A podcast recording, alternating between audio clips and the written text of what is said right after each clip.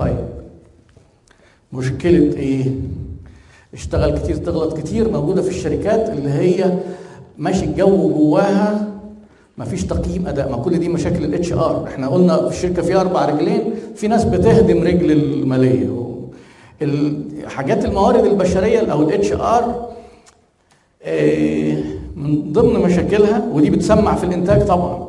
يقول لك شايف ما الناس إيه اللي بيقعد يجي المدير يحليط له كده وي ويجيب بونبوني لابنه الصغير هو ده اللي بيبقى تمام فانت هتشتغل اعمل نفسك كده بتشتغل لكن ما تشتغلش. بتشتغل بتغلط طيب إحنا إحنا اداره التشغيل فرصه بقى نتكلم. مش إحنا قلنا أربع رجلين؟ عرفنا بتوع الحسابات طبعا بيعملوا إيه. التشغيل بيعملوا إيه؟ بيهتموا بالاربع حاجات دول. أول حاجة التكلفة. إحنا شغلنا الحاجات اللي بنبيعها بتكلفنا كام؟ أنا أقدر أشتغل لازم أعمل حاجة اسمها تحكم في التكلفة cost control لكن حسب السلعة والخدمة اللي أنا بقدمها. يعني في شركات الاستراتيجية بتاعتها إنها بتبيع حاجات غالية. برضه يتحكم في التكلفة بس هتبقى أكيد أعلى. يعني يعني مثلا هتتخيلوا المرسيدس لما بيعملوا عربيات هم عايزينها تبقى أقل تكلفة في العالم؟ لا طبعا هم عايزينها تبقى أقل تكلفة بالنسبة للجودة دي. والجودة هي الحاجة الثانية بأي جودة. وبعدين تنوع المنتجات هيبقى عندنا منتجات كتير ولا قليلة؟ خلي بالكم برضو في هنا خرافة نسيت أكتبها. كتير قوي شركات متخيلين إن أنا كل لما يبقى عندي منتجات كتير كل لما كان ده نجاح. وعلى فكرة ده عكس الحقيقة. يعني مش دايما مش دايما. بالذات لو انت بادئ في البداية ركز أكتر. التنوع مش مطلوب دايما. لا ده أنت ممكن تبدأ بمنتج واحد بعد كده يبقوا اثنين بعد كده يبقوا ثلاثة لكن مش لازم خالص يبقوا دايما تنوع كده. الأربع حاجات دول عشان تفهمهم أنت لو دخلت مطعم سعر السندوتش بكام؟ وجودته إيه؟ وهيجيبوه لك بعد قد إيه الوقت؟ هتقعد طالب واقف قد إيه؟ مستني. وبعدين عندهم المنيو فيه كام صنف؟ اهو ده التنوع. الأربع حاجات دول إنك تعمل توليفة كده منهم هو ده قرار الإنتاج أو التشغيل. وخلي بالك مفيش شركة في العالم مفيش شركة في العالم تقدر تاخد فول مارك يعني تقدر تجيب درجة نهائية في الأربع حاجات. يعني أنا ما ينفعش يبقى عندي أكتر تنوع وأسرع وقت.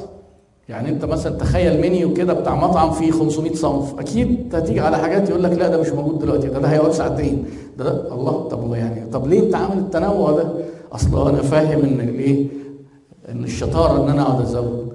أنا في واحد صديقي قريب فتح مطعم في مدينة نصر عنده أربع أصناف في المنيو بتاعته بس. ونجح ناجح وشغال يعني. فكر دي بيسموها في الاستراتيجيات التسويق. طبعا مش هنعرف ندخل إحنا بعمق في الكلام ده بس بيسموها focus strategy يعني استراتيجية التركيز. أركز أركز في حاجات قليلة مع زباين قليلة. ما أنا عمري ما هعرف أبيع لكل الناس بس أركز ممكن أنجح. الأربع حاجات دي. في حاجة في التشغيل اسمها bottleneck أو عنق الزجاجه يعني إيه؟ تخيل إن أنت مثلا لو عندك في موظفين بيسلموا شغل لبعض كده. أربعة قاعدين جنب بعض كل واحد بيعمل حاجة يديها اللي بعده.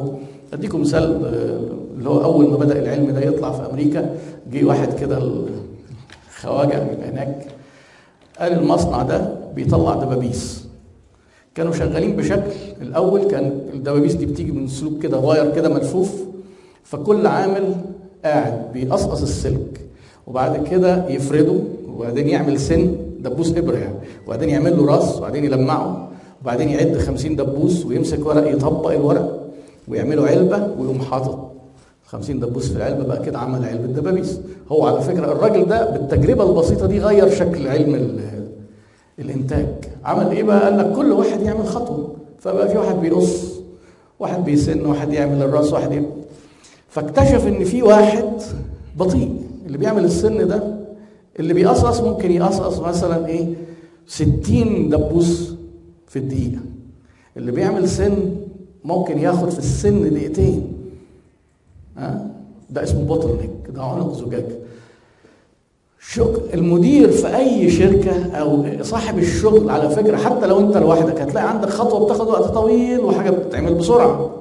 دايما بص على ال bottleneck شوف إيه أبطأ حاجة في الشغل وحاول تشوف لها طريقة تسرعها هنا في في المصنع اللي قلت لكم عليه ده قال لك خلاص يبقى بقى الحتة بتاعت ال station دي ال station بتاعت السن دي نحط فيها ناس كتير بحيث نسرع الإنتاج. لأن أنت لو عندك قطر كل عربياته ماشية بسرعة 100 كيلو ما عدا عربية في النص 20 كيلو القطر هيمشي بسرعة كام؟ 20 كيلو. بسرعة أبطأ عربية صح؟ هو ده. يبقى نسرعها. اتكلم كتير تبيع كتير. خرافة برضه. العلم بيقول عكس كده. العلم بيقول لك إيه؟ في مهارات للبيع الشخصي اعرفها وهتكتشف هتكتشف إن في حاجة بتخليك تبيع أكتر مش الكلام. إنك تسمع كتير. اسمع كتير. عندك ودنين وبق واحد أكيد يبقى أنت ربنا خلقك عشان تسمع أكتر ما تتكلم. اسمع كتير تبيع كتير. طب نسمع إزاي ده إحنا بياعين لازم عشان تسمع لازم تسأل. اتعلم إزاي تسأل. في مهارات اسمها questioning skills questioning techniques و question types. ادرس بقى الكلام ده يعني إحنا هنا بقى أنا بفتح لك بس يعني. إيه انواع الأسئلة مثلا؟ لازم تعرف ان في انواع للأسئلة. في أسئلة حتى ممنوع تسألها وانت بتبيع. تسمعوا عن الأسئلة ال closed questions الأسئلة المغلقة والأسئلة المفتوحة؟ آه أي سؤال إجابته yes or no أو سؤال إجابته هل؟ ممنوع تسأل سؤال هل. ليه؟ لأن حضرتك بتحب اللون الأحمر؟ لا. طب أنا ما عرفتش أنت بتحب إيه. طب ما أنت ليه سألته اجاب سؤال إجابته نعم أو لا؟ ما تقول له إيه اللون اللي أنت بتحبه. أسهل. هي دي الأسئلة المفتوحة. إيه؟ وليه وفين وإمتى وإزاي؟ Open questions. اللي هي الأسئلة اللي في ال English بتبدأ بال W بيسموها W what where when why. which في الايه كمان اللي هو ال how إزاي. كل ما أنت بتسأل open question تدي له فرصة يتكلم. فأنت بتعرف هو محتاج إيه فتبدأ أنت تفكر إيه اللي عندك يناسبه. بعد ما تقعد تسمع تسمع تقول له والله كويس ده, ده بقى أنا اللي حضرتك عايزه ده بقى بالظبط عندي. لكن نظام البيع بتاع اتكلم كتير اللي بيعملوه لحد دلوقتي في معرض الكتاب. بتشوفوا أنتوا الناس اللي بيبيعوا الموسوعات والاطالس والحاجات دي بياخدك من إيدك لو استسلمت ودخلت يعني بيستلمك تلت ساعة ما بيسألكش ولا سؤال ويقعد يتكلم يتكلم وفي الآخر يقول لك بقى يكلمك عن الطبيخ وحاجات للأطفال وحاجات للكبار وحاجات عربي وحاجات إنجليزي وبعدين في الآخر بقى إيه هتاخد إيه بقى من دول؟ طب وأنا ممكن ما فيش أطفال مانيش غاوي تاريخ ما أعرفش إنجليزي. طب ما تسألني.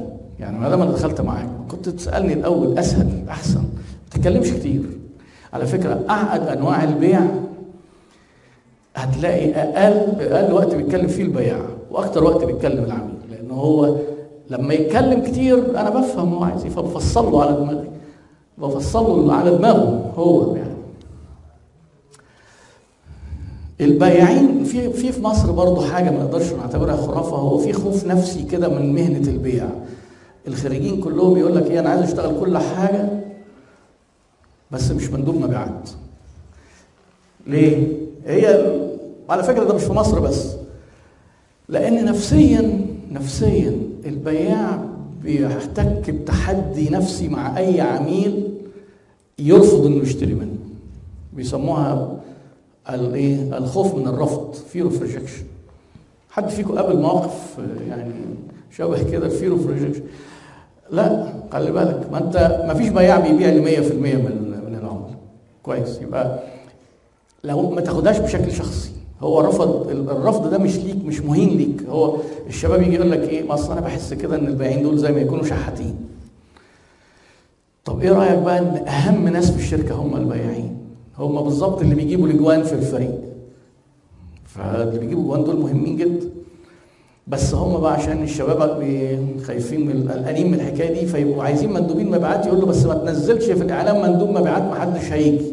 ليه ما حدش هيجي؟ آه الشباب شايفين إنها حاجة. اكتب بقى إيه؟ تسويق ما أعرفش مندوب تسويق. تنفيذ تنفيذي ما أعرفش إيه. account manager طب ماشي كويس. هي في النهاية لازم أنت تبقى متصالح مع نفسك إن أنت بياع وحابب إن أنت بياع أنا سبت جراحه المخ والاعصاب عشان حبيت البيع. فيهاش أي حاجة. وأنا أنا بقولها في كل مكان. أنا حبيت في ال business أكتر حاجة البيع وال marketing. حبيته أكتر. واكتشفت بعد كده ليه؟ بس خد مني سنين عشان حتى أنا قعدت أحلل. طب أنا أنا كنت بحب الطب على فكرة. أنا دخلت آه صحيح عشان المجموع بس أنا حبيته جدا وتفوقت وحبيت ممارسته. بس هي صعوبة الحياة إنك تقارن ما بين حاجتين حلوين أو حاجتين وحشين. دايما القرارات اللي هي أبيض يسود لا. ملك يا كتابة لا. ممكن تبقى ملك وكتابة. طب نهي يعني which في ويتش يعني ويتش هتعمل إيه من اللي بتحبه؟ طبعا القرار خد فترة طويلة من التفكير يعني. بس الحمد لله أنا سعيد جدا بقراري. وبالظبط زي ما الأخ اللي كان بيتكلم قبلي اسمه أستاذ ياسر هو الحياة ups and downs بس انت تعمل ترند تحاول تنجح. مفيش نجاح من غير فشل بس تتعلم. واحدة من الخرافات هنقولها في الآخر أنا فتحت شركة وخسرت وتعلمت. دي خرافة. اتعلمت إيه؟ لو ما قالكش اتعلم إيه يبقى ما اتعلمش. ولو اللي اتعلمه اللي قاله لك ده عكس اللي في قواعد ال business يبقى ما اتعلمش. وناس كتير جدا قالوا لي الكلام ده. أجي بقى أسأله ألاقيه لو فتح business هيخسر تاني لأنه ما اتعلمش اتعلمت إن السوق وحش. الله يعني أنت عملت إسقاط على السوق برضه؟ أنت ما اتعلمتش حاجة. تتعلم يعني تواجه نفسك بأخطائك. أخطائك الأول ما تجيش تقول بقى أصل السوق أصل الناس أصل الزباين أصل كل ده هنقوله كل دي خرافات. وأنت قاعد مع العميل جميل قوي عشان حكاية الرفض دي. يقوم البياع قاعد ويقوم إيه ساكت ويقوم مديله البروشور. إيه ويقعد يقرا بقى فيه. ليه؟ لو ما اشتراش البروشور اللي وحش. أنا كويس. أنا ما رفضنيش أنا. رفض البروشور. ما تتكلمش خالص ودي. غلط طبعا. غلط. ليه؟ لأن أنت في فرصة ذهبية. أنت قاعد مع العميل وجها لوجه. معاك أدوات كتير جدا. تتكلم وتسأل. هو البروشور هيكلمه؟ إحنا لما بقى في ال communication skills لو حد فيكم عرف. نموذج التواصل النص والورق ما بيوصلش حاجة. عشان كده إحنا بنحب ندخل مثلا على اليوتيوب نسمع بدل ما نقعد نقرأ. بقى شوف آه، يعني أو أقعد في محاضرة بدل ما أحب أقعد أقرأ كتاب. أنت بالظبط بتقعد قدام العميل بتقول له إيه؟ اتفضل اقرأ. أسوأ حاجة أو حاجة ما بحبهاش وبعدين أنا هقرأ وأنت قدامي. طب أنت جاي لي عشان أقعد أقرأ؟ طب حضرتك اديني الكارت كده ويقوم مدبسه ويقول لك يبقى اتصل بيا بقى إيه بعد سنتين وقابلني لو رديت. خلاص انت كده اديت له فرصة يهرب. ما انت بتدي له الكتالوج وقاعد ساكت. ممنوع. عالج نفسك من الخوف بالرفض ومن ضمن الطرق اللي ممكن تعملها اعتبر واحد يقول لي مرة قال لي إيه بقعد مع عشرة تسعة ما بيشتروش واحد بيشتري. خلاص كويس. اعتبر ان كل عميل اشترى عشر بيعه انت نجحت في كل مرة عشر.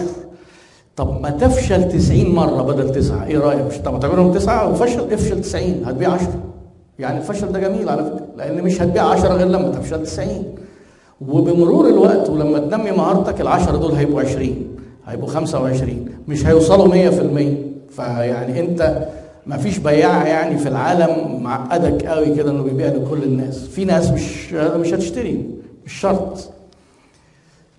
والعميل بيبقى خايف برضه زيك. هو العميل إيه أكيد قابل بياع قبل كده في شركة ضحك عليه. فهو عايز تطمن. لازم عشان تعرف تبيع كويس لو أنت هتقابل في موقف تبقى بياع في حياتك لو العميل وثق فيك خلاص انتهى الثقة. الثقة دي حاجتين. إنك فاهم في الحاجة اللي بتبيعها وإنك بتستخدم المعلومات دي لصالحه. إنك فاهم وإن أنت بتشتغل إنك الثقه بتشتغل لصالحه. فاهم وأمين فاهم خبير وأمين. لو عرفت توصل الاثنين دول أنت بالنسبة له هتبقى لقطه وهيحتفظ بالموبايل بتاعك جدا. وهيدير كل أصحابه يقول لهم اوعوا تشتروا من حد. ده الراجل ده ده مصدقنا لقيناه. عشان كده البياعين دول بينجحوا جدا. على فكرة فرصة لو أنت في مصر في أي بزنس إن مفيش حد بيحترم العملاء ومفيش حد على مستوى الثقة اللي إحنا عايزينه. الثقة اللي موجود في الكتب اللي الأجانب بيعملوه من غير دافع ديني ومن غير نية. لمجرد إن هو بيكسبهم فلوس بيلتزموا بيه أكتر.